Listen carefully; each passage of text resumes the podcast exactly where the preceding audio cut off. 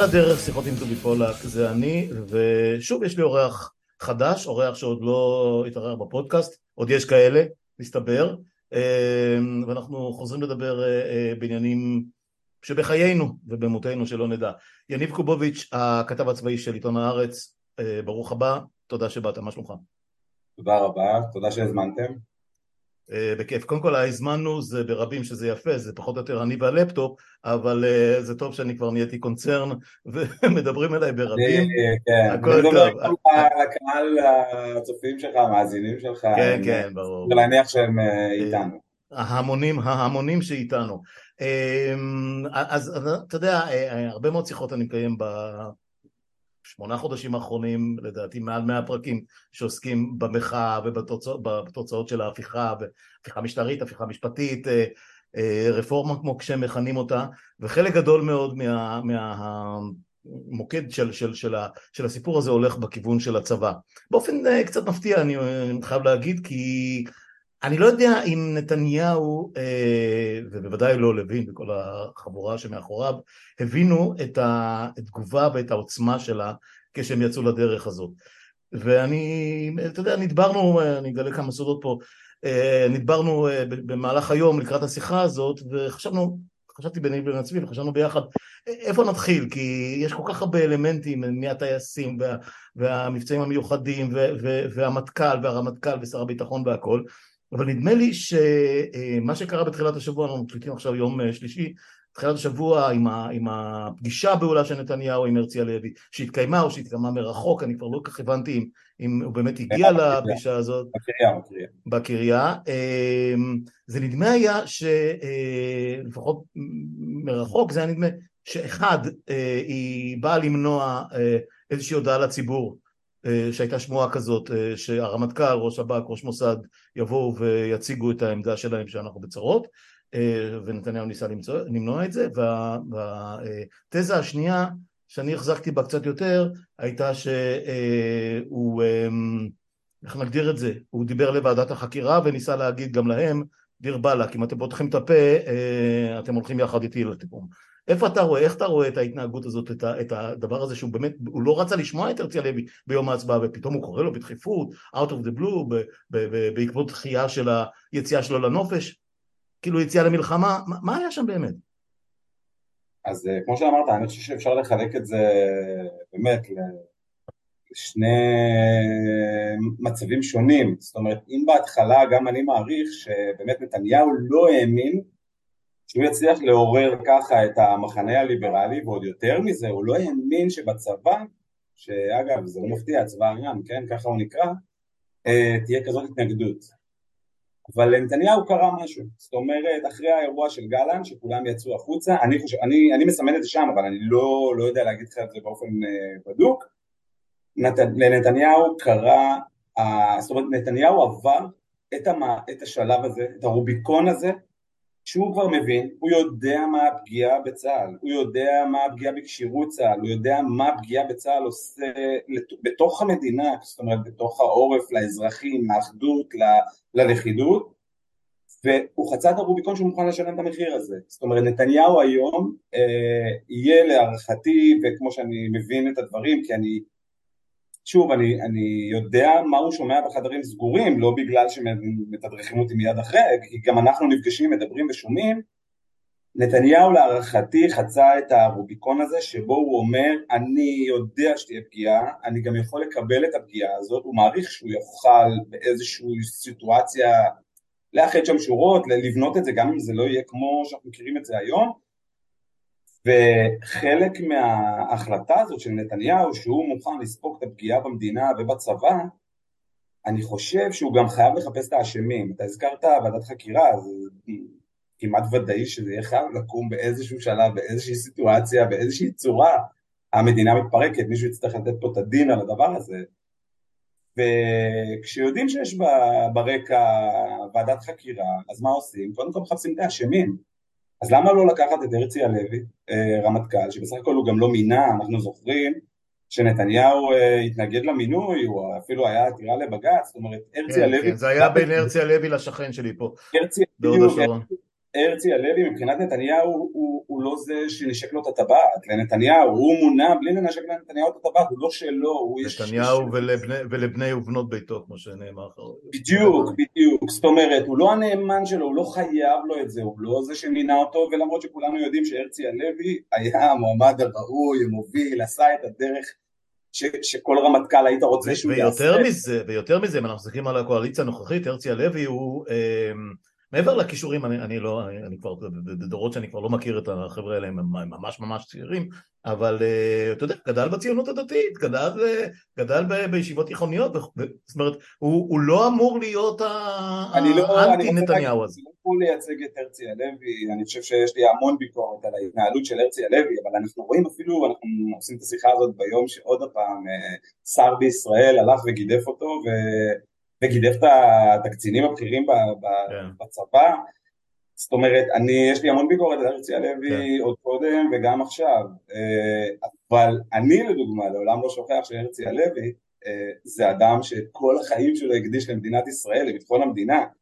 אפשר להגיד את זה אבל על כל חבר מטכ"ל פחות או יותר, אין אה, בעיה, לפחות מהקרבים שביניהם.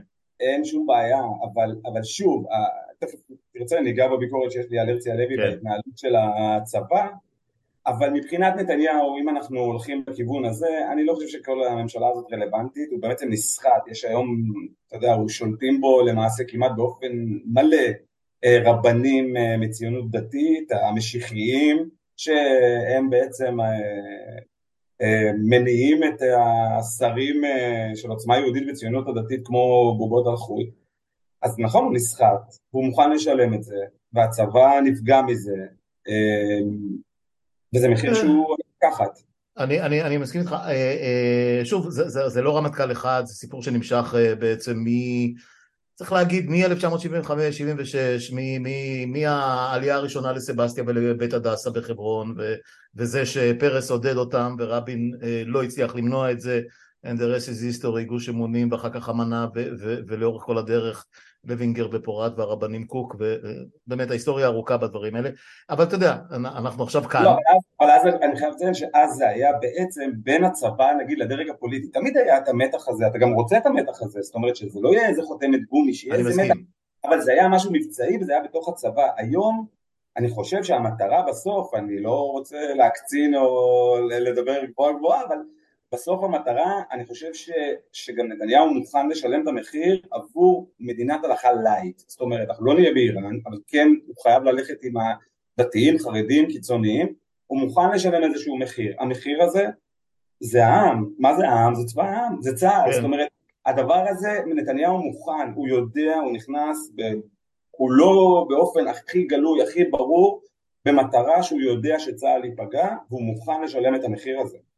יפה, אז, אז מוכנה לשבת את המחיר הזה, אבל אתה יודע, עדיין יש אה, אה, מפקדים ישירים יותר, אם נגדיר את זה ככה, במונחים הצבאיים, הוא לצורך הדיון, נתניהו המפקד העליון, למרות שחוקית זה לא נכון, המפקד העליון זה הממשלה ובעצם הקבינט, אה, ו, ו, ונתניהו הוא ראש ממשלה, אנחנו לא בארצות הברית פה, הוא לא המפקד העליון, אבל יש את שר הביטחון שהוא ממונה על, על המטכ"ל, על הרמטכ"ל, על, על הצבא, ויש את אה, הרמטכ"ל שהוא, שהוא המפקד של הצבא, ותשמע, אני מנסה, אתה יודע, אה, מנסה לחשוב על הלך הרוח של, של הרמטכ"ל, של בכירי הרמטכ"ל, של אלופי הפיקודים, של... אה, תשמע, זה מין no win situation ברמה של קוראלס כמעט, זאת אומרת, המערכת הפוליטית, נתניהו בעיקר, מוליכים אותם לסוף ידוע מראש, שהוא גרוע אפילו מה... אפילו מהמצב של הגורודישים ביום, ביום כיפור, כי, כי שם, אתה יודע, נלחמת, ואם אה, עשית את זה מספיק טוב, למרות הקורבנות, בסופו של דבר יכולת להראות הישג. פה אני לא רואה איזה הישג גם רמטכ"ל יכול לצאת מתוך הסיפור הזה, זאת אומרת, ההפסד, התבוסה שלו אה, ודאית to begin with. אז אני, אני גם שומע, גם בתוך הצבא, גם מבחוץ, פרשנים, אנשים אה, שאני מדבר איתם, ממש אה, מגלים איזה שהם כמעט רחמים על, אה, על הרצי הלוי לתקופה שלו, אני לא מקבל את זה. זאת אומרת, אה, הרצי הלוי הוא הרמטכ"ל והוא נבחר, ורמטכ"ל אחד קיבל את מלחמת העצמאות, רמטכ"ל אחד קיבל את אה, יום הכיפורים, הרמטכ"ל אחר קיבל את לבנון הראשונה, ואביב כוכבי כרמטכ"ל קיבל קורונה, והרצי הלוי קיבל את האירוע הזה. Mm-hmm. הרצי הלוי צריך כל יום לקום ולהגיד תודה רבה שהוא האדם הנכון מבחינתו לעמוד ברגע הכי מכריע, אני חושב מאז תום המדינה, למדינת ישראל. אני לא מקבל את הדבר הזה, איזה קשה להרצי הלוי, אני ברור שברמה האישית אני לא, חלילה, אני לא, לא מקבל שום פגיעה ברמה האישית אליו, או, או אפילו, אתה יודע, שהיא לא עניינית והיא באה משיקולים פוליטיים, אבל הרצי הלוי צריך כל יום להבין שזו המשמרת שלו, וזו המלחמה שלו, והוא חייב לנצח אותה. אוקיי, okay, איזה כלים יש לו? איזה כלים יש לו להילחם במלחמה הזאת? אני שואל עכשיו עניינית. מה הוא יכול בפועל לעשות? בואו ננסה לנתח נכון, את זה. נכון, אבל להרצי הלוי יש את הכלי הנשק האולטימטיבי למלחמה הזאת, וזה החוק. ואני לא מצפה מהרצי הלוי עכשיו להגיע לקפלן ולעמוד על הבמה, ואני גם לא מצפה לאיזה מסיבת עיתונאים בשמונה בערב ככה עם כל השידורים החיים. אבל הרצי הלוי חייב להבהיר בצורה הכי ברורה שכשאנחנו נגיע למשבר החוקתי, צה"ל לעולם יבחר בחוק, ולא בשלטון, ולא במנהיג, ולא במשטר. אנחנו מדברים כמובן רק על אירוע שאנחנו נכנסים לאיזושהי אה, בעיה והתנגשות. משבר, משבר חוקתי ממשי. כן. עכשיו צריך להגיד את האמת, במשבר הראשון שהרצי הלוי נקלע אליו, הוא, הוא בחר בשלטון, במנהיג, סליחה זה נשמע, זאת אומרת זה נשמע נורא חומש, כן, אתה מדבר על חומש, אני, אני מבין את זה. בדיוק בחומש, בחומש, הרצי הלוי לא היה צריך על פי החוק, על פי החלטת בית משפט לאפשר עלייה לשם. מהשיחות שלי בעצם הטענה של הרצי הלוי, זאת אומרת שקודם כל מגדירים את זה כאירוע לא טוב. עכשיו זה לא שאירוע לא טוב, זה אירוע לא חוקי שביצע צה"ל בניגוד להחלטות בית משפט כדי אה, לעמוד, אה, מאחר שהוא לא עמד בלחץ של הדרג הפוליטי. עכשיו אנחנו לוקחים את חומש שזה נראה לנו משהו קטן, כן? בתוך הצבא מדברים על חומש, אה, זאת אומרת אנחנו הבנו שבתוך מספר חודשים כן יכולים לאשר את זה, אז לא רצינו בכל המלחמות האלה, חשבנו שזו מלחמה מיותרת. אני לא מבין את הטיעון הזה, וברגע שהרמטכ"ל התחיל לבחור איזה מלחמות הוא עושה מול החוק, שם אנחנו בבעיה, כי אז אנחנו תלויים בערכיות ובמוסריות של כל רמטכ"ל. היום יש את הרצי הלוי, שאנחנו מכירים אותו, יודעים, הלב שלו נמצא במקום הנכון, אבל אנחנו לא יודעים מי יהיה הרמטכ"ל הבא אחריו, או שניים או שלושה. חווארה, פעמיים, פעמיים. אה, אה, וזה עניין מבצעי לחלוטין, לא קשור בשום צורה שהיא לא להחלטות פוליטיות ולא להפרת חוק ולא, אלא ונדליזם, כאוס, אה, קרוב מאוד לטבח אם זה היה מתגלגל קצת אחרת, אבל בוודאי הפקרות מוחלטת, שאיש לא נתן עליה את הדין. ואני כבר לא מדבר על בורקה שזה בסדר, דברים כאלה קרו ויקרו, אבל בחווארה כולם ידעו שזה הולך להיות, וגם אחרי שזה קרה כבר בהכל, עברו שבועיים או שלושה, וזה קרה שוב, אולי בסקייל טיפה שונה. איך הצבא מתמודד עם, עם אוזלת היד הנוראית הזאת מול אנשים שאין מעליהם שום מורה של חוק? איך, איך, איך, איך הם מסבירים לעצמם את הדבר הזה? אני, אנחנו נמצאים במצב עוד יותר בעייתי, משום שמי שאמור להתמודד עם אותם אה, טרוריסטים יהודים או פורעים אה, יהודים או איך שתקרא לזה, אה, זה המשטרה ושב"כ. צה"ל לא ישלח לחיילים, עכשיו צה"ל באמת אה, מבחינת היערכות זה כישלון מוחלט. מפיל את זה רק על הצבא, זה פה... אני לא מפיל את זה רק על הצבא, אני... לא, ברור לי לגמרי שזה כולם ביחד. וגם בוא, בוא נודה על האמת, צה"ל בשנים האחרונות פשוט נכנע לימין הקיצוני, המשיחי, צה"ל נכנע לכל ראשי המועצות בהתנחלויות ול, ולגורמי הימין הקיצוניים והחזקים שם, צה"ל מינה, אני לא רוצה להיכנס בשמות, אבל הרבה מהמח"טים, אוקיי? ממפקדי החטיבות המרחביות בגדה, צה"ל מינה אנשים שהם תושבים שם, זאת אומרת אנחנו רואים הרבה כיפות סרוגות, אני לא רוצה להכליל שכיפה סרוגה זה זה, אבל אבל אתה יודע מה, לא, לא, לא, לא, לא כזה מופרך להכליל, אוקיי? אני, אני, אני טוב שאני שומע את זה ממך, כי אתה מסתובב שם, אני יכול רק לנחש את זה. אז, אז אני בוודאות יכול להגיד לך, צה"ל גם מקבל את זה שיש לו קצינים וחיילים שגרים במאחזים בלתי חוקיים שהבתים הם אה, בניגוד לחוק. זאת אומרת קצין צה"ל שיכול אה, לחיות שם והבית שלו הוא בניגוד לחוק. בצה"ל, בצה"ל גם כל, כל המערכת יחסים של צה"ל עם הימין אה, בהתנחלויות, הוא, הוא, הוא, זה בעצם החליטו לרכב על נמר והיום קשה להם לרדת ממנו. הם מבינים את העניין.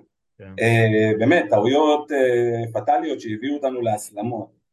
Uh, אבל אני רוצה כן לחזור להרצי הלוי, כי חשוב לי שזה יצא באמת שהביקורת, כי יש ביקורת שהיא תהיה קצת יותר uh, עניינית, אני חושב שהרצי הלוי, בסופו של דבר הממשלה הזאת הוא צריך להבין, היא הכריזה מלחמה גם על, על הצבא, זה לא רק עליו.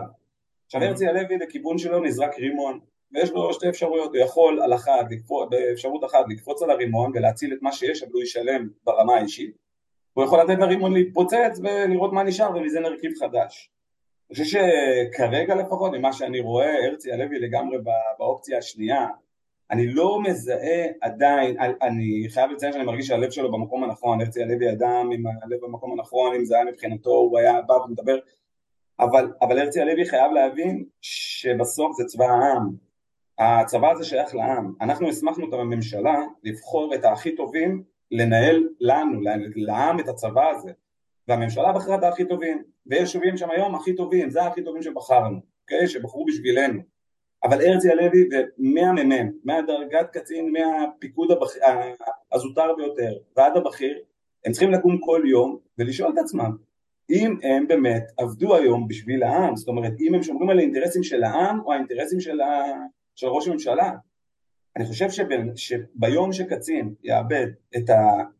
שהוא יסתכל על הדרגות שלו והוא ישאל את עצמו אם הוא באמת פועל בשביל העם או כדי לרצות איזושהי תנועה פוליטית, אדם פוליטי, הדרגות שלו באותו רגע שוות את השקלים שהן עולות בחנות ריקושט, זאת אומרת, הדרגות האלה הן אה, משהו שאנחנו נתנו לך על הכתפיים ואתה צריך להסתכל עלינו. כן, כן, אה, אתה חושב שיש לו אה, איזשהו מנוף בדמות, אתה יודע, כולם אומרים התפטרות, אבל באיזושהי, באיזושהי איזושהי פעולה ממשית שהוא יכול לעשות בשביל להתריע יותר חזק ממה שעשה עד עכשיו, אה, עוד נניח עד למצב של התפטרות, או אם זה בכלל משהו שעבר לו בראש, יש לך מושג? אני חושב שמהלך של התפטרות היום של אנשים בכירים במערכת זה הפקרה שלנו. זאת אומרת, אנחנו כולנו נופתע ונצעק ונצא לרחובות ונחסום את איילון ונהיה עם דגלים, אבל בשנייה אחת הצד השני זה לא יעניין אותו והוא ישים את הבן אדם שלו. זאת אומרת, הרצי הלוי מבחינתי, אם הוא יחליט להתפטר, זה, זה הפקרה של הציבור. גם אם זה יעשה רעש, כי למחרת יעמוד שם הבן אדם שלהם. אני מצפה מהרצי הלוי לנצח את המלחמה הזאת. הוא הרמטכ"ל, הוא יושב שם. באיזה כלים? אני שואל שוב, יניב, באיזה כלים? מה הכלים שעומדים ברשותו? הרצי הלוי צריך לדבר ברור, חד וחלק, שבמשבר החוקתי תדעו לכם, עם ישראל, שאתם מיניתם אותי ושמתם לי דרגות על הכתפיים ואני מחויב לכם, אני לעולם אלך עם בית המשפט. אני לעולם לא אלך עם משהו בניגוד לבית המשפט. אבל זה משהו תיאורטי עתידי, כרגע הצבא מתפרק. תיאורטי, זה ממש, כי במקרה הבא של אה, חומש, שיבקשו ממנו לעלות בניגוד לחוק, הרצי הלוי יכול להגיד, אני לא אתן את הפקודה הזאת, לא. ואז נגיע למשבר, אני, עוד פעם, אנחנו ברור שאנחנו הולכים למשבר אה, חוקתי, כן, ברור שהמדינה הזאת כן. הולכת... איך אמרה לי השופטת שרה חביב, אנחנו כבר לא במשבר חוקתי, אנחנו כבר בכאוס, כבר, כבר חצינו את הרוביקון הזה. אנחנו במשבר, אנחנו במשבר כן. החוקתי, זה לא... הרצי הלוי צריך לדעת עכשיו שהוא, שהוא במקום שלו, עכשיו, גם זה לא הרצי הלוי רק, כן? אנחנו מדברים על מפכ"ל, אנחנו מדברים על... אה, ראש שב"כ, תשמע. שב"כ, ראש מוסד, אה, שירות בתי הסוהר, מפכ"ל, אנחנו מדברים פה על כולם, אני לא, אני פחות מתחבר לעניין הזה שכולם יבואו ביחד uh, באיזושהי אמירה. כל ארגון יש לו את ה-DNA שלו, את האנשים שלו, את המחויבות שלו. Uh, אני חושב, עכשיו, הרצי הלוי צריך גם להבין שהוא גם לבד מבחינת uh, שר הביטחון, העובדה שיואב גלנט מדי פעם יוצא באיזה ציוץ ומגנה פה ומגנה שם, בכלל יואב גלנט לדעתי מגנה יותר ממה שהוא עובד. הוא גינה, אני חושב, כל חבר שלו או כל uh, שותף שלו בקואליציה בחודש האחרון על העובדה שהם מגדפים, וזה אפילו לא מגדפים, זה, זה באמת, סליחה, אתה יודע, זה כל מיני, כן. אני אפילו לא יודע איך להגדיר את זה, אתה יודע, זה... אנשים... לא, לא, אנחנו, אנחנו, אנחנו נמצאים בספרות, בספרות לא, uh, שאי אפשר היה לדמיין אפילו. אבל, אבל חשוב להבין שבניגוד למה שמצטייר, הרצי הלוי, צה"ל בכלל, זה לא הרצי הלוי, צה"ל בכלל, כן? אין להם את יואב גלנט, הוא לא עומד מאחוריהם, הוא עומד מאחוריהם בטוויטר באמירות חסרות שחר. ההחלטה של יואב גלנט, אה, אגב של שר הביטחון, להתפטר בפעם הראשונה, היא לא נבעה מאיזה פרץ של דמוקרטיה, לא מדובר על איזה דמוקרט גדול. אגב, הוא לא החליט, בואו רק נזכיר, הוא לא החליט להתפטר, הוא פשוט אמר, הוא אמר שזה אירוע שאולי הוא לא היה מצביע. אז אני אגיד לך מאיפה זה גם הגיע, זה הגיע מהעובדה שיואב גלנט הוא בסך הכל אדם לא אמיץ. אה, ליואב גלנט ניתנה הזדמנות אה, לקבל הצצה על ידי אנשים באמ"ן, במודיעין, בחטיבת המחקר, שלקחו אותו שבועיים לפני כולנו אה, לתהום הזה, וידעו להגיד לו, תקשיב, זה, ככה נראית התהום, זאת אומרת, זו התהום שאנחנו מגיעים אליה עוד מעט. יואב גלנט, הסיבה היחידה להערכתי שהוא החליט לעשות את מה שהוא עשה, הוא פשוט פחד לקפוץ לבד. אני לא קופץ לבד, אני רוצה להגיד לכם מה קורה וכולנו נקפוץ ביחד, אבל יואב גלנט סיים את הסיפור שהוא גם לא האמין, הוא לא האמין שיהיה כזאת, שיצאו החוצה. זה אחד, ו-one trick pony זה, זה המצב הקלאסי שלו, זאת אומרת פעמיים טריק כזה לא יעבוד, לא, לא מול נתניהו וגם לא מולנו, זאת אומרת נגמר הסיפור הזה.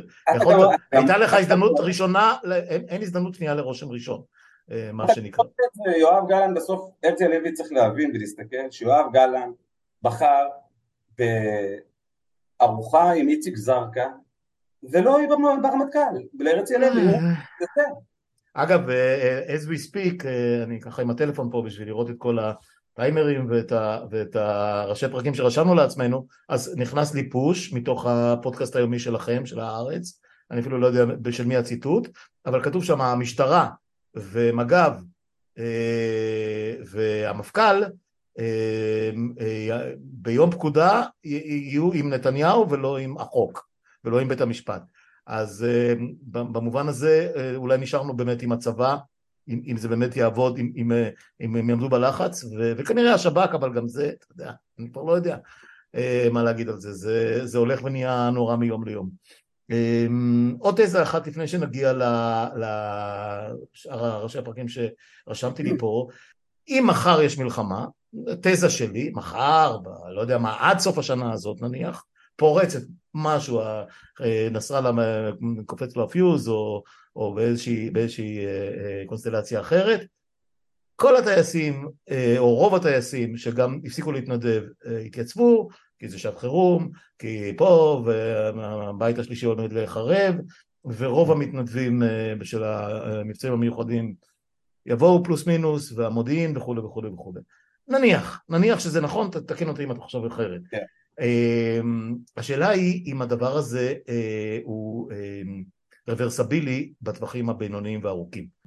אז אני, אני אגיד לך, אני חושב שכל הדיון הזה על, על הכשירות, יבואו ולא יבואו, ואם אנחנו כן בכשירות או לא בכשירות, ומה המספרים, אני חושב שגם הצבא עושה בזה שימוש, כי באמת אין לזה איזשהו אה, מספר כזה שמתחתיו, סתם לדוגמה, אם יש לי רק חמישה טייסים ושלושה טנקיסטים ושני גולני ורופא, אז אני, מתחת לזה אני יורד מכשירות, אין כזה מספר, זה לא, אנחנו לא מדברים על איזה מצב, אה, אתה יודע, די ברור. Mm-hmm. אני, הטענה שלי, אין כרגע כשירות. אנחנו יכולים להגיד את זה, הניסיון של, גם של הצבא להסתתר מאחורי מספרים ונתונים כדי לקבוע, אין היום כשירות.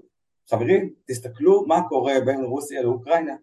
יש מדינה אחת שיש לה את הצבא המתקדם ביותר בעולם, עם המטוסים הטובים ביותר בעולם, עם הטנקים הטובים ביותר בעולם, עם הטילים המתקדמים בעולם, והם עומדים מול מדינה, באמת, שעכשיו אולי קיבלה משהו, אבל הם התחילו עם רובים של קלצ'ניקוב ועשו להם ביוטיוב סרטונים איך עושים בקבוקי מולוטוב, והם עדיין מצליחים לא רק להתמודד אלא להרחיק אותם. זה לא רלוונטי אם עכשיו, לדוגמה, הכריחו אותם לבוא, בוא נגיד שכל הטייסים מחר יגיעו. כן. אין רוח. אתן לך את הדוגמה האישית שלי. אני ב-2008-2009, זה היה בדיוק בדצמבר, אה, נפתחה, נפתח מבצע עופרת יצוקה. קיבלנו הודעה טלפונית, אין אפילו בן אדם, זה איזושהי הודעה קולית שהופעל צו חירום, ובתוך שעתיים החבר'ה מתאספים ונסענו ויצאנו. באותה תקופה לא היו טילים על אה, ראשון לציון שגרתי שם. אה, לא היה גם כיפת ברזל, ו... ובטח שאלה שגרים יותר צפונה ממני, הם לא מרגישים בכלל את הלחימה. ועדיין נכנסנו בתור אלפי לוחמי מילואים שהשאירו את האישה ואת הילדים בידיעה שאנחנו מוכנים לשלם כל מחיר בשביל ילד אחד בשדרות ש... שבאמת יור... בסכנת חיים והוא לא יכול לחיות יותר ככה. הרוח הזאת היא לא תהיה. זה לא משנה אם תשים עכשיו את הטייס ב-F15, F16, F35 מתקדם, כי אם הוא לדוגמה, סתם, כן, בהקצנה, אם הוא חי עם uh, גבר והוא יבוא למלון והוא שומע את הממשלה שלו אומרת שלא יהיו חייבים לקבל אותו אחרי שהוא עשה את זה, אותו ואת הבן זוג, כי הם, הם חד מיניים, זאת אומרת, על מה הוא יעלה, איזה מוטיבציה תהיה, איך אתה יכול להילחם בלי רוח של מדינה? מגרשים, ומגרשים את הבת שלו מהאוטובוס כי היא עלתה עם גופייה. ואנחנו יודעים על עוד שני מקרים למה אנחנו לא בכשירות. האירוע של האוהל ב- בלבנון, זאת אומרת חיזבאללה בא והקים אוהל 23 אה, מטרים מעבר לגבול, mm-hmm. על פניו, מי שלא מבין את האירוע הזה, זה אירוע שהיה יכול להיגמר ברמת מח"ט אה, טיפה אה, נחוש, או מפקד אוגדה נחוש, שלוקח טנק ובאותו רגע מעיף את זה החוצה. Mm-hmm. אנחנו לא מטפלים באירוע הזה כמו שצריך, רק משום שזה אירוע עם פוטנציאל להסלמה, ואין לצבא את הרוח ואת הגב להיכנס להסלמה רחבה, אין לו. אנחנו גם רואים עוד אירוע, המבצע בג'נין. בעצם הצבא, אפילו הרצי הלוי יצא באמירות שזה לא היה פוליטי. עכשיו, שהמבצע בג'נין לא היה מנסיבות פוליטיות. עכשיו, אני, אני, כמה שאני יכול לשכנע את הציבור, אני אומר לכם, אה, צה"ל עוד לא במצב שהוא יוצא למלחמות פוליטיות proper בשביל בן אדם, אוקיי? בתקופה של אה, נתניהו. ג'נין יצא, אני, אני מקבל את, ה, את העמדה המלאה של הצבא של ג'נין, אה, היה צורך מבצעי, אבל העובדה שרמטכ"ל יושב להסביר היום שהוא יצא לפעולה, סיכן חיי חיילים ונהרגו שם חיילים, וגם נהרגו שם אזרחים פלסטינים, והוא פגע בתשתיות, זה שהוא צריך להסביר את זה שזה לא מסיבות פוליטיות, זה, זהו, אנחנו במשבר.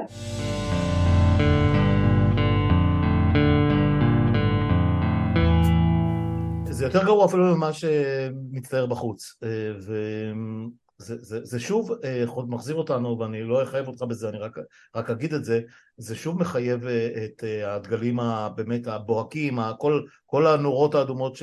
ש... אנחנו כבר אחרי, אנחנו אחרי הדגלים, אחרי הנורות. לא, אז השאלה, השאלה אם הציבור מבין את זה, כי אני לא משוכנע, גם בצד שלי, אני בצד הכי ליברלי, הכי שמאלני, הכי... אה, לוחמני בהפיכה הזאת והכל, מקפלן ועד אה, הצעדה לירושלים וכל יומיים הקלטה בפודקאסט, אני כבר יצאתי מדעתי מהדברים האלה. אה, אני לא משוכנע שאנשים מבינים עד כמה, את כל מה שאמרת עכשיו, אני לא משוכנע. ועד שלא יהיה, שנייה, ועד שלא יהיה איזה ראש מדבר ברמת גלנט, אוקיי, שמנו אותו בצד, ברמת אלוף פיקוד, או מישהו שיגיד, אוקיי, אני שם את הדרגות עכשיו, מישהו במטכ"ל, עזוב עכשיו הרצי, מישהו במטכ"ל שממילא היה צריך לפרוש בעוד אה, חצי שנה, זה לא, זה לא העניין, זאת אומרת, מישהו שהיה, מה שנקרא, אינסייד uh, מן, מישהו שהיה יודע ומבין איך, איך המערכת uh, מתפקדת כרגע או לא מתפקדת, שיבוא, יזמין את עצמו ל... להארץ, אה, לערוץ 2, לערוץ 13, ווטאבר, ויגיד, אלה, זאת, זה המצב. נדמה לי שכולם איכשהו מסתובבים סביב העניין, עוד טייסים, פחות טייסים, בית ספר לטיסה מושבת, כן, לא. זה כאילו בקטנה, ומה שאתה מצייר עכשיו זה, זה כמעט הבית השלישי של, של, של דיין ביום כיפור. אבל זה די ברור. אני לא בטוח לא, שזה ככה. דווקא הטענה שלך היא ברורה לי יותר, אה, שאנשים אוקיי. לא מבינים את גודל האירוע. בדיוק. ישראל היום זה לא אנשים שחוו מלחמות שאנחנו פלשו לנו לפה, או שספגנו בעורף, באמת, מאז יום כיפור, אנחנו יודעים, מי שמתחת לגיל 50 זה בן אדם שלא חווה... הם היו הטילים ב-2006, אבל בסדר. רגע, ועוד דבר, אנחנו גם, מה שאנחנו מכירים זה סבבים אה, כאלה מעזה, לדוגמה, אוקיי? עכשיו, זאת לא מלחמה, אוקיי? כשהמלחמה תיפתח מהצפון, זאת תהיה מלחמה אחרת. כן. ההרס וה... כן, טעמנו מזה ב-2006 וזה לא היה נחמד, כן. אגב, שני הצדדים, כן? שני הצדדים, ברור, ברור. גם אנחנו, זה דברים שהציבור לא הכיר. עכשיו, צריך להבין, אנחנו ניכנס למלחמה הבאה פחות טובים. צה"ל פחות חזק, פחות מלוכד. זאת אומרת, אנחנו הולכים, אנשים, אני מבין את זה לגמרי, שאנשים אומרים, טוב, אני כבר הייתי במלחמות, כי היה צוק איתן, והיה עופרת יצוקה, והיה אה, חומת מגן. לא, זה לא זה. אנחנו נמצאים כרגע הממשלה פשוט קיבלה החלטה אה, לקחת את הסיכון של ביטחון המדינה. אנחנו נמצאים באירוע שהוא סכנה לביטחון המדינה.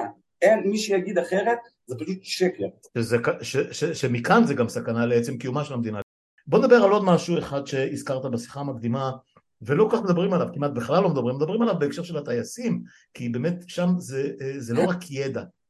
אה, ואתה דיברת איתי על מצב של מעבר לטייסים, שבאמת בלעדי המתנדבי המילואים האלה אה, חיל אוויר לא כשיר, אה, אתה דיברת איתי על, על בריכה של ידע, על, על, על, על נטישה של, של אה, שנים על שנים של, של ניסיון שהצטבר, הוותיקים עוד מהמלחמות שהיו, מ, מ, באמת יום כיפור זה כבר באמת כבר אנשים יחסית מאוד מבוגרים, אבל, אבל, אבל בוודאי לבנון הראשונה, בוודאי רצועת הביטחון, בוודאי המבצעים של הסיירות לאורך כל הדרך. עד כמה הצבא מוטרד מהדבר הזה? כי אנשים פשוט נוטשים. הצבא לא מוטרד מזה, הצבא בחרדה, אנחנו מדברים על, באמת, אנחנו כרגע בעשרות אלפים, אנחנו מדברים אה, בכל המערכים, הידע והניסיון שראש הממשלה נתניהו מוכן לזרוק היום החוצה, זה ברמת uh, לאבד, אתה יודע מה, זה, זה, זה, זה אסטרטגי, זה אירוע אסטרטגי, הידע שייצא מצה"ל והניסיון שייצא מצה"ל זה אותם אנשים, כן, שהם קצת יותר מבוגרים, אבל הם יושבים במטה המבצעי של חיל הים, של חיל האוויר, הם יושבים במודיעין שדה, הוא יושב עם המח"ט והוא יודע איך לטפל בזה, הידע שנצבר וממשלת ישראל היום זורקת, זה אירוע אסטרטגי בפני עצמו, זה משהו שאתה לא תוכל, אתה תצטרך עוד עשרים שנה לצמצם את זה, אבל אנחנו, אנחנו נצמצם את זה לא מהאירועים שלמדנו מהם, זאת אומרת אנחנו אי אפשר אפילו, באמת, אי אפשר, אפשר לכמת את, את, את הפגיעה של, של הידע המצטבר ש, שפשוט נזרק. עוד דבר, זה, זה שמסתכלים, נכון, מקובל לדבר על הטייסים, כי הטייסים הם בעצם, אה, בניגוד לכל השאר, הטייסים זה, זה הסדיר, זה, זה נכון בדיוק, הטייסי המילואים הם, הם בעצם מסדירים. הוא יום בשבוע אומר בעבודה, חברים, מחר אני לא בא, הוא מלטף את הילדים שלו בערב, ונותן לאשתו נשיקה, וחוזר... ושאתה קם בבוקר לשמוע שהיה משהו בדמשק, אתה יודע שזה הבחור שיושב לידך במשרד.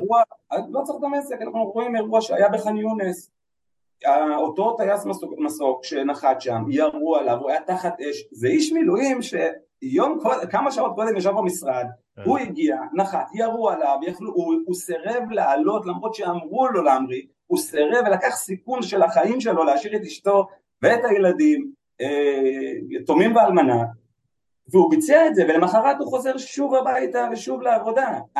אז, אז זה משהו אחד אוקיי? כי הם ממש מחוברים זה וזה אבל אני רוצה לתת לך משהו אחר נגיד שמזמינים מחר חטיבת מילואים אלכסנדרוני או חטיבה אחרת אה, לאימון או לפעילות מבצעית ובחטיבה הזאת בגדוד אחד יש עשרה אוהלים אבל שניים ריקים. מה שני האוהלים הריקים האלה עושים לחטיבה הזאת? זה יהיה הרוח, זאת אומרת זאת תהיה הרוח. השני אוהלים הריקים, לאף אחד לא אכפת שיש שמונה אוהלים מתוך העשרה שהם מלאים באנשים שבאו והם בסדר עם זה.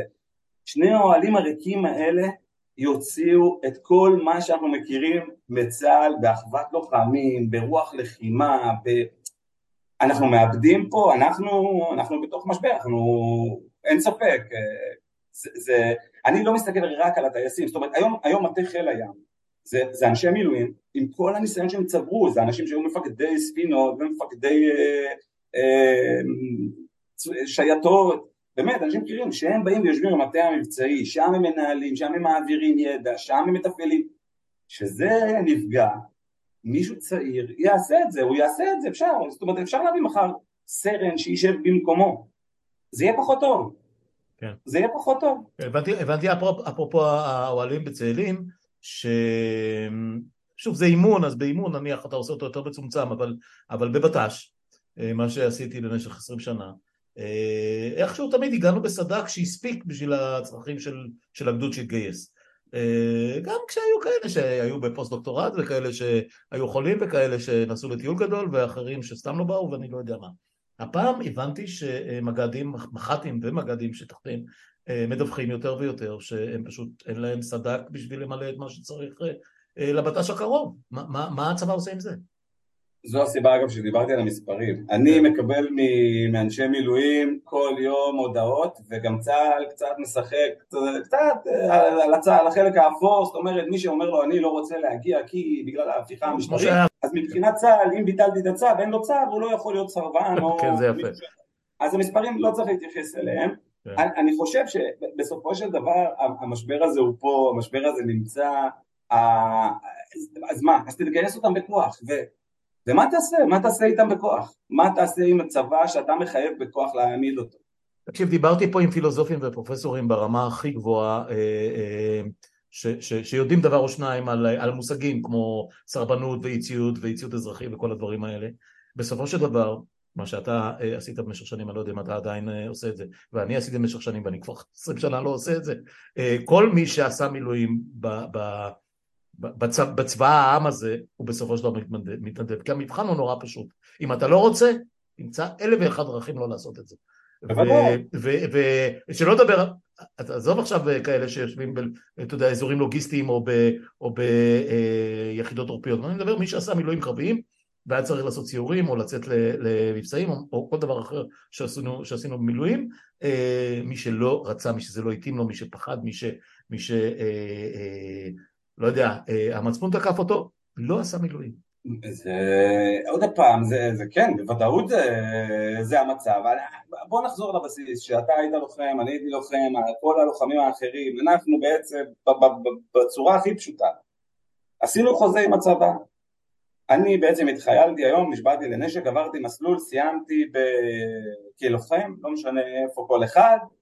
אני מתחייב שברגע שישראל תותקף, ישראל יאיימו עליה, על הקיום שלה, אני מוכן, אני אגיע, וגם אני מוכן לשלם את המחיר, זאת אומרת להשאיר את אשתי בבית אלמנה עם ילדות עם יתומים. אתה בסך הכל צריך להבטיח לי שאני לא אהיה פה, תהיה להם מדינה נורמלית לחיות. ואתה כתבת לי, בקוד האתי שיצאתי איתו למלחמה, אתה כתבת לי שזאת תהיה מדינה דמוקרטית, על זה אני יצאתי. אתה עכשיו בא, מבטל את הסעיף, רק כזה, כן, אתה דמוקרטי. אני יש לי זכות מלאה, אני אפילו לא מסתכל על זה בסרבנות או, או התנדבות, החוזה בוטל, אני, אני משוחרר מהחוזה. אין פה, זה, זה לא שאלה לך של סרבנות, או, זאת אומרת בסרבנות, נגיד אני, אני לא מקבל סרבנות, כן, זה כולם לגמרי בהתנדבות, אבל לא להתנדב או לסרב, כל המאבק הזה, איך מדברים על זה, סליחה, החוזה הופר, אני לא מחויב לחוזה שלך, תקרא לזה איך שאתה רוצה, אתה יודע, בוא לבית משפט, נראה, זה, זה באמת, זה הפרת חוזה, אני לא יודע, אני לא, אני לא מעניין אותי בכלל מה אתה חושב אתה קורא לי כרגע, אתה הפרת את החוזה, אתה, והחוזה אמר שאם אני מחר יקרה לי משהו, אתה לא יכול להתחייב לי שהילדות שלי לא יחיו במדינת הלכה, שהילדות שלי לא יחיו בדיקטטורה, לא יקרה, אז בגלל זה אני חושב כל ה... יש המון דיונים, זה כן סרבנות ולא סרבנות, ועכשיו ביבי כתב, אה, אה, לא כתב סרבנות, וההוא כתב אה, כן, זה לא מעניין, החוזה הופר. ואנחנו, אני חושב, כן, אני מצפה מכל לוחם בצה"ל ש, שגדל על הערכים ועל הנורמות ועל, ה, ועל האתיקה של, של לוחמים בצה"ל, להגיד הכי ברור שאפשר, לא משרתים בדיקטטורה, לא יקרה. אה, כן, אה, אה, אני לא, אומר, אתה יודע, אין לנו שום ויכוח על זה, אנחנו, זה קצת קשה לי לפעמים כשאני מדבר עם אנשים שמסכימים איתי בכל דבר, אבל אתה יודע, אנחנו צריכים לאתגר אחד את השני קצת. זה לא חדש לצבא, ופה אני גולש ככה ב, אה, באופן לא אלגנטי לסיפור הזה של, של החרדים, של חוק הגיוס, אה, של, של כל אותם שטחים אפורים שבעצם זה לא באמת היה צבא העם, אתה יודע, בוא אחרי, ש, אחרי שהפלגנו וסיפרנו על עצמנו ניסים ונפלאות, בסופו של דבר מי שלא רצה לא שירת אה, וככל והמספרים הולכים וגדלים ככל שהזמן מתקדם אה, כמה היום האחוזים האמיתיים של גיוס אה, מתחת ל-50 אחוז נניח סדר גודל הריאליים כאילו אם תוריד את הערבים תוריד את החרדים מתגייסים קצת יותר נניח סדר גודל אבל, אה, אבל איכשהו תמיד הייתה תורתו אומנותו והסדר חוק טל והיו כל מיני טריקים שאיכשהו אה, ואז ניסו לשלם להם הרבה יותר כסף בשביל שיבואו ויכשירו אותם בתור לא יודע מה תכנתים או ב... כל מיני קומבינות. עכשיו הם רוצים גמרנו אנחנו גמרנו לעשות להשלים בבריכה אנחנו עולים והולכים לעשות את זה מהמקפצה שזה חוק הגיוס. ועכשיו בצבא בתחושתי די תקוע פה באמצע איך הצבא מתמודד עם, עם מה שהולך ליפול עליו, אם וכאשר חוק כזה יעבור? אז קודם כל בוא, אני, יש לי דעה אחרת, הסיפור הזה שצה"ל לא רוצה את החרדים, או צה"ל לא באמת צריך את כולם, זה לא בכלל, זה, אני לא מבין את הדיון הזה, צה"ל לא קובע. Okay. אוקיי. זאת אומרת, צה"ל לא קובע, צה"ל צריך להזמין אותו, כי אם אני לא מגיע, או הילדה שלי לא מגיעה, או הילד, הילד שלך לא מגיע לצבא, צה"ל ישלח אה, לוכדי עריקים. כן. ולכן זה בכלל לא מעניין אותי מה צה"ל חושב, אם הוא צריך או לא צריך, אתה יודע מה, בוא נוציא את הספורטאים, בוא נוציא את הזמרים, בוא נוציא את האומנים, למה לא, לא לתת לאומנים, אז, אז כל אומן שאני אוציא בוא נכניס חרדי, זה אחד, זה, זה, זה מיתוס שאנחנו חיים עליו שצה"ל לא צריך אותם, צה"ל צריך אותם שיבואו מחר, אם הם רוצים okay. ויכולים ובאמת מישהו יזיז את עצמו. אני חושב שיש פה משהו יותר, יותר עמוק עם החרדים, אני חושב שבכל הכאוס הזה של נתניהו אני חושב שהוא איבד את הלגאסי שלו, שהוא בנה לעצמו עד היום, אבל דבר אחד, אני אפילו אהיה מוכן לכתוב באופן אישי בוויקיפדיה שלו, בלגאסי, לפאר אותו, זה שהוא הצליח להביא מחדש את, ה, את, ה, את הגוש הליברלי להאמין במדינה הזאת. אני חושב שכל העניין של החרדים זה לא רק החרדים, כי באמת, כמו שאתה אומר, אנחנו כבר התרגלנו לעניין הזה שהחרדים לא באים לצבא, כמו שאתה אומר, ואני מניח שכולם אה, ככה באיזשהו מקום כבר הפנימו את זה. מה שקרה, שנתניהו בעצם בבחירות האלה נסחט. המזל או היתרון של הצד הליברלי הוא שהם לא ידעו לנהל את הסחיטה. זאת אומרת, הם באו כמו ילדים לחנות ממתקית ופשוט לקחו הכל. כל יום קמנו לאיזה חוק הזיה אחר, כל יום פירקו פה איזה רשות אחרת, כל יום ניסו לפטר בכיר אחר, כל יום ניסו להטיל עלינו מיסים ו- וחוקים אחרים. ולכן מה שקרה פה בכל המפץ הזה עם החרדים, אני חושב שהאירוע הוא, הוא היה שעד היום החרדים אמרו תקשיבו, אנחנו צריכים את הכסף שלנו כדי באמת להחזיק תלמידי ישיבה, כדי להחזיק את הישיבות שלנו, את הדברים שלנו, אבל אנחנו נמצאים במובלעות שלנו, אנחנו לא מעניין אותנו, לא נגיד לכם מתי לצאת למלחמה, לא נגיד לכם איך לחיות ומה לאכול, עזבו אותנו, אנחנו בצד, תנו לנו את שלנו ואנחנו יודעים לנהל את החיים שלנו. פתאום החזירות הזאת שהייתה להם בהתחלה, אה, הם הבינו שהם יכולים לנהל אותנו. זאת אומרת, הוא לא רק רוצה להוציא לי חוק השתמטות מהצבא, שהילדים שלו והנכדים שלו לעולם לא יסכנו את החיים שלהם בשבילי, הוא רוצה שאני אסכן את החיים שלי ושל החברים שלי, של הילדים שלי, בשבילו, אבל הוא גם רוצה להגיד לי מתי. ופה הם חצו את הקו.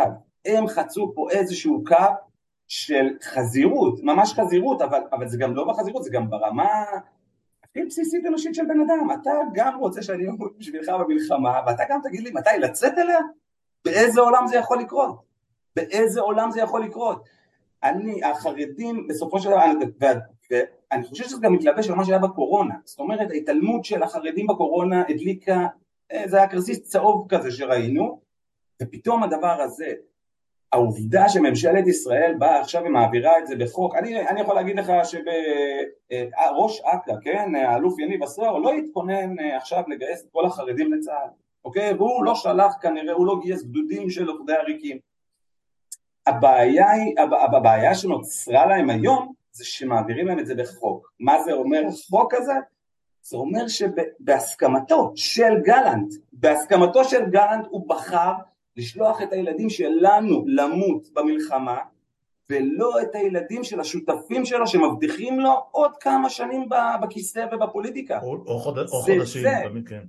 גלנט, גל, ועכשיו מה, יום לפני ההצבעה גם גלנט בא והביא עוד 200 מיליון שקלים באיזה מסיבת עיתונאים מפוארת אה, והעלה את כל הכתבים הצבאיים לאיזה, לאיזה שיחה כזאת, איזה נקרא ויוד כזה פנימי עם כל הכתבים שהוא מסביר לנו יום לפני העברת התקציב אז הוא, הוא מנסה להבהיר לכולם, הנה 200 מיליון שקל למילואים. אתה בא להשפיל אותי, אתה בא להשפיל אותי, כמה הילד שלי שווה? כמה הבן שלי שווה עוד? אני לא, מה, עוד 3,000? עוד 4,000? עוד 1,000? כמה?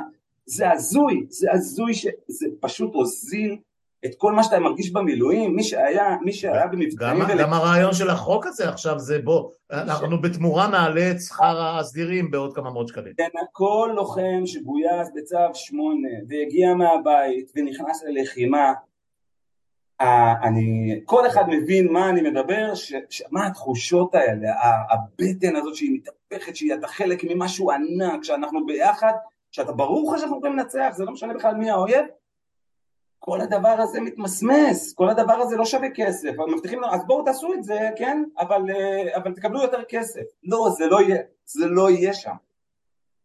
כן, אה, לסיום, אה, אני רוצה לחזור ל... לבלנס הזה שבין אנחנו ההורים, כל אחד בתקופה שלו, לבין הצעירים, בנות, בעיקר בנים mm-hmm. בדרך כלל, שמלש"בים, כן, כל, כל הסיפור הזה של לקראת הגיוס, הבטן שמתהפכת לאבא, לאימא, אה, ואתה יודע, כשאני גדלתי הנרטיב היה, אני מניח שגם אתה, אה, שוב זה הלך לאורך הדורות, זה קצת השתנה אולי קצת בתחושות, אבל ברור, זאת אומרת, מה, מה זאת אומרת, אם, אם, אם הכושר מאפשר אתה קודם כל מתגייס, ואם הכושר מאפשר אז, אז, אז ליחידות העל, אה, מי שהתקבל לקורס טיס אז, אז חייב לנסות ומי שהתקבל לקומנדו היה חייב לנסות, ומי שהתקבל, אה, הלך לסיירות היה חייב, ומי שלא אז הלך ליחידות שדה ולשריון וכו' וכו' וכו'. לא לא, לא הייתה שאלה, אני לא זוכר מישהו שלא הלך לצבא, אני אומר לך בהגינות, כולל אנשים שהיו צריכים לחתום על התנדבות כי הכושר שלהם היה לקוי, אז הם עשו תפקידים עורפיים כלשהם. אמ, במצב הנוכחי, אה, אכ"א בגיוס, לא של אוגוסט שהוא כרגע, בנובמבר, בפברואר הבא, מתי שזה לא יהיה, עלולים להגיע למצב של, לא יודע מה, הצפה של, של בקשות לפטורים, או של התייצבות, או של כאלה שפשוט יסרבו בכל מיני, בכל מיני צורות. כן. הצבא מודע לתחושות האלה שהולכות ומתרחבות בקרב הציבור? הנושא של המלש"בים, של המיועד, הנוער שמיועד לגיוס... מועמדים לשירות צבאי, כן. כן, בשנתיים הקרובות, אני מעריך, וממה שאני שומע, אני לא... זה, זה מדאיג ברמת, כמו, כמו הטייסים, זאת אומרת, זה, זה ברמה הזאת. צריך להבין, קודם כל בוא, בוא נוריד אה, מה, מהעניין הזה שלא מדובר בנוער עצלן או משהו, אני יצא לי להיות uh, במהלך המבצע, לקחו אותנו לתוך uh, מחנה הפליטים בג'נין כדי לראות. אני, יצא לי להיות שם גם בלחימה וגם ראיתי, וגם יצא לי לראות את החבר'ה האלה נלחמים במבצעים האחרונים. יש לנו נוער מעולה, מעולה, נחוש, לא רואה ממטר, לא מפחד מכלום, יש לנו נוער שרוצה להגיע למקומות הכי טובים, נוער שמוכן להילחם על המדינה הזאת. מצד שני, יש פה גם נוער שהוא בשנה האחרונה עומד בקפלן, והנוער הזה עומד להתגייס. עכשיו, נכון, יכול להיות שזה לא משפיע עליו עכשיו, אבל מדובר באנשים באמת איכותיים, או, או, או, או כל אחד, אני לא, אז אנחנו מדברים רק על הסיירות ועל הטייסים, לא, אני מדבר עכשיו על, על אותה נערה שהולכת להיות מש"קית ת"ש, שהיא הולכת להיות אה, מש"קית חינוך, אוקיי? שחשוב מבחינתי אותו דבר, אבל אתה צריך להבין שהנוער הזה הוא כבר שנה עומד במוצאי שבת בקפלן וצועק לממשלה הזאת בושה, הוא צועק שלא משחטים בדיקטטורה, הוא צועק שהוא לא מוכן לקבל את האפליה, את הגזענות, את השוביניזם, את, ההסתה וה, והגזענות, זה בחור, להגיד לך, או, או, או, זה, זה, זה, לא, זה חייל או חיילת, שהם באים עם מטען אחר ממה שאנחנו הגענו, הם באים עם מטען שהם שנה עומדים בכיכרות וצועקים נגד המדינה הזאת, נגד הממשלה הזאת אתה לא יכול לצפות ממנו עכשיו, טוב, אז אני אלך עכשיו, אני אהיה הטייס הכי טוב, כי... אה, והוא שומע מצד שני את, אה, בן גביר, כן, בזירת הפיגוע, אומר צריך להוריד בניינים בשכם. רגע, מה עכשיו, אתה, אותו נער ישאל, רגע, אני עכשיו אעשה את המסלול, אני אהיה טייס. לא, תשמע את אמסלם, צריך, צריך להוציא להורג את הטייסים הסרבנים, לא פחות. עזוב, עזוב את הטייסים, אני אומר, נגיד, קח עוד לפני, הוא יודע כן. ששר האוצר שלו ושר בתוך אה, משרד הביטחון קורא לשרוף את חווארה, הוא, כן. הוא שומע את השר לביטחון פנים עומד בזירת פיגוע ועומד ואומר שצריך להוריד בניינים בשכם, וזה הוא יצטרך לעשות את זה. זה לא יקרה. החבר'ה האלה הרבה יותר חכמים ממה שחושבים, הם כן. לא מפונקים, הם הרבה יותר חכמים. אה, זו שאלה גדולה מאוד, אה, אם... אה, תשמע, אני משוכנע שבצבא מתקיימים דיונים על הדבר הזה, אני רק לא, לא חותם, אני לא יודע, אולי אתה יודע, אם זה גם מחלחל הלאה, לגלנט, לממשלה, לנתניהו, מישהו מושך בדש הבגד מה שנקרא? אתה, אתה שמעת על דיונים מהסוג הזה? נתניהו קיבל את העדכון, עוד פעם, נתניהו שוב עשה... ב state of mind שלו היום, אנחנו יודעים. נתניהו כל הזמן חושש ככה שזה יצא לו באיזה מסיבת עיתונאים כן. פתאום, או משהו, אז הוא מקפיד על הפעם, פעמיים, אה, אה, פעם בשבוע, שבועיים, מתי שיוצא לו להתעדכן. אה, גלנט גם יודע, גלנט יודע בדיוק... ברור, ברור לי שהוא יודע, לא יכול להיות שהוא לא יודע. גלנט לוקח אותנו לתהום עם הראש למעלה, הוא כולו זחוח. אין לו בעיה עם זה, הוא מוכן לשלם את המחיר כי הוא יישאר במדינה כאיזה פוליטיקאי בכיר וזה מתאים לו.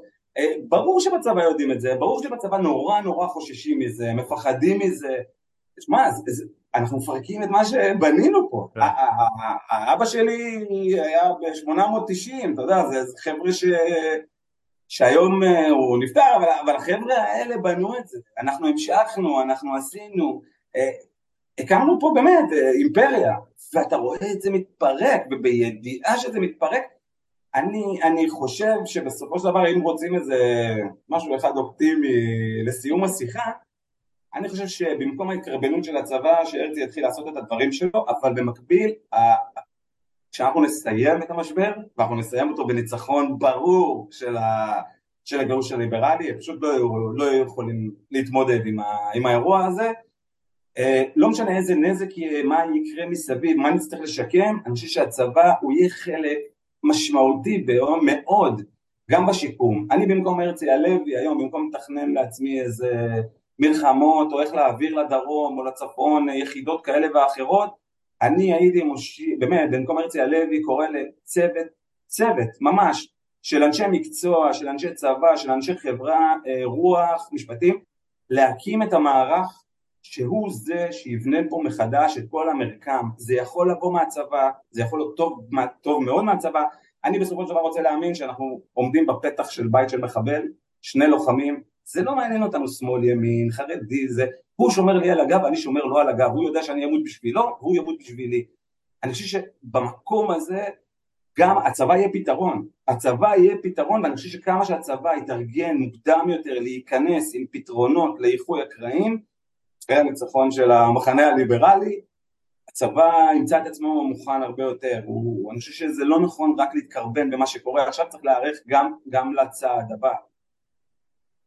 אה, תשמע, כמעט כל השיחות שלי פה מסתיימות אה, כשהדיבור הוא, אה, הדיבור העיקרי, שעה שלמה מדברים בתחזיות אפוקוליפטיות, סופניות, פסימיות וכן הלאה, ובסוף אה, המרואיין, לא משנה מי הוא, מהשמאל הקיצוני, מה, מהעיתונות, מעיתונות צבאית, מעיתונות פוליטית ואחרים, אבל בסוף we will reveal, ואתה יודע, ו...